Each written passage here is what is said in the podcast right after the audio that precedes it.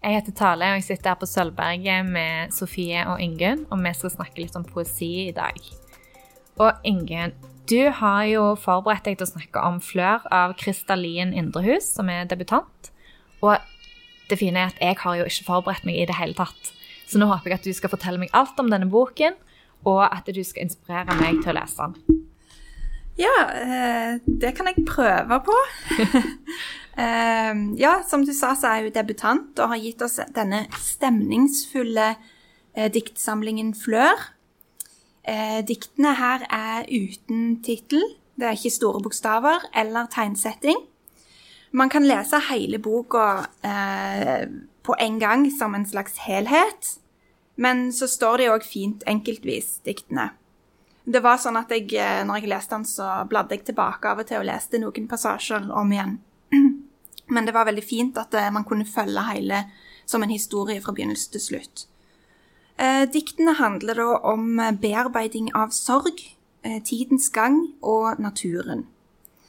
Etter at bestemødrene dør, så reiser diktjeget til husene og landskapene fra bestemødrene. Og der observerer hun hvordan naturen har endra seg, både fra årstid til årstid og gjennom flere år. Det er mange flotte naturbilder, og det er sånn besjeling av naturen. Her er vi tett på havet, skogen og fjellene. Eh, fra det store til det små, med insekt og små vekster som spirer år etter år. Og alt i naturen henger liksom sammen. Eh, og så er det en slags sorg over endringene i naturen her òg. Det blir peka på at snøen på fjellet har minka, og bølgene filer seg lenger inn i berget. Sånn sett så er klima og økologi òg et tema i denne diktsamlingen. Og det at endringene i naturen blir knytta opp mot den tiden vi mennesker har på jorda, maler liksom et større bilde. Samtidig så er vi veldig tett på diktjegets eh, opplevelser, og det at det er så personlig, eh, gjør det til en sterkere leseopplevelse for meg enn hvis det kun hadde vært naturdikt. Mm.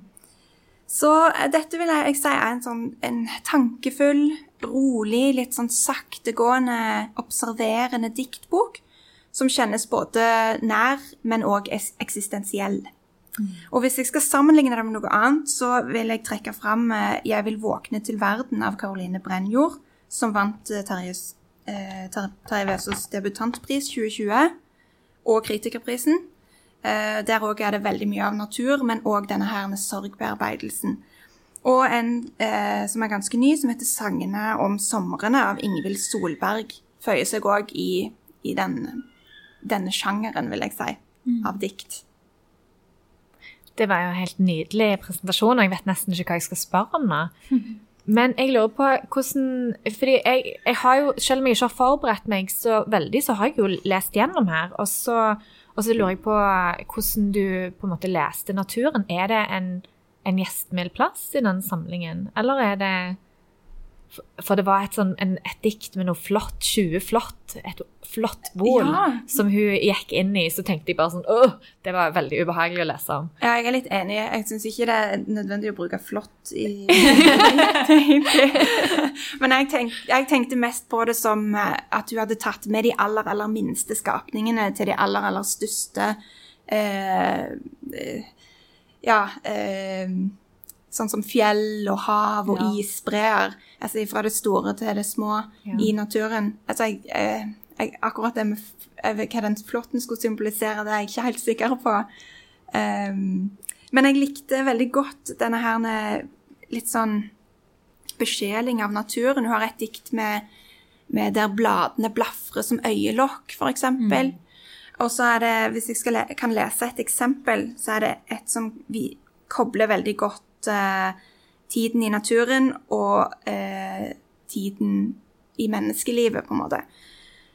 Eh, blikket ser mot fremtid, kan ane fremtid i lauv som spring, lauv som visner, vårtunge elver som syker av sine bredder, grånende hår i tinningene til foreldre rundt middagsbordet. Hmm akkurat det med grånende hår syns jeg er interessant. For en av de tingene jeg likte best med denne boka, det var jo generasjonsperspektivet. Og òg den indirekte sammenstillingen mellom hva generasjonene før oss har hatt, og hva vi kanskje kommer til å ha. For som du sier, så er det jo en tydelig sånn klimasorg her. Og hun snakker jo mye om det som går igjen, f.eks. mor og datter, altså hennes mor og hennes bestemor, som står sammen på et bilde i det ene diktet, der dattera holder en sånn eh, dukkevogn. Og så i neste bilde så er det mor og datter igjen, men der dattera holder en barnevogn. Og på siste bilde så er det bare mor og datter uten, eh, uten at det er noe vogn eller noe barn. Men her kunne jo òg altså diktets jeg vært med på det tredje bildet, for da har jo hun blitt voksen. Eh, og dette med at um, jeg, jeg, fikk assosiasjoner til den deilige 'Deilig er jorden'-sangen, av alle ting. Fordi at jeg, jeg tenkte på at liksom, 'slekter skal følge slekters gang', heter det jo der. Ja. Og det føler jeg at kom veldig godt igjennom i denne diktsamlingen. at her kommer hun på en måte tilbake til det som forfedrene hennes har hatt til dette stedet hvor forfedrene har bodd. Um, og at generasjonene på en måte gjentar seg sjøl, som vi ser på denne bildeserien med, med mødre og døtre. Men der jeg òg tenker at hun snakker, når hun snakker om naturen, så er det kanskje noe som ikke vil gjenta seg på samme måte. For den naturen som bestemora hadde, er ikke nødvendigvis den samme som barnebarnet vil ha. Det tenkte jeg litt på at var viktig, eller et interessant bilde her, da. Eh, mm. Og om naturen var gjestfri eller ikke, så følte jo jeg når jeg leste denne boka, at det var en litt sånn nostalgisk tone òg. Og jeg fikk veldig assosiasjoner til den følelsen jeg har når jeg reiser på hytta som gir meg en sånn der en indre god ro, og der jeg føler at jeg, jeg kommer hjem på en helt annen måte enn når jeg kommer hjem til, eh, til hjemme, på en måte. Men at jeg, jeg, kommer hjem til en sånn ro og til en sånn god natur. Og jeg ja, følte at jeg hun òg hadde den opplevelsen, da. Ja, jeg er enig. Og jeg, jeg kjente òg på den jeg leste boka, at du, det er det der at du kommer veldig tett på naturen. Og jeg kan, nesten kjenne igjen den følelsen mm. av landskap du kjenner godt. Eh, så jeg er enig i det. Mm, og som du på en måte føler tar imot deg og gir deg en eller annen fred. da. Og særlig oppi dette med sorgen som hun går igjennom, så allikevel kan du finne den freden på en måte i naturen. Det, det ja. syns jeg var veldig sånn fint framstilt, for det er noe som jeg har opplevd eh, f.eks. da jeg mista min bestefar, så eh, han bor nært Altså, han er jo fra i nærheten av der som vi har hytta. Men noe med å oppleve den sorgen, og så komme til det, det naturskjønnet, at det gir en sånn ro, da, selv om du har det vondt. Så det, det, det syns jeg var en veldig sånn En situasjon som var lett å kjenne seg igjen i, på en måte. Mm.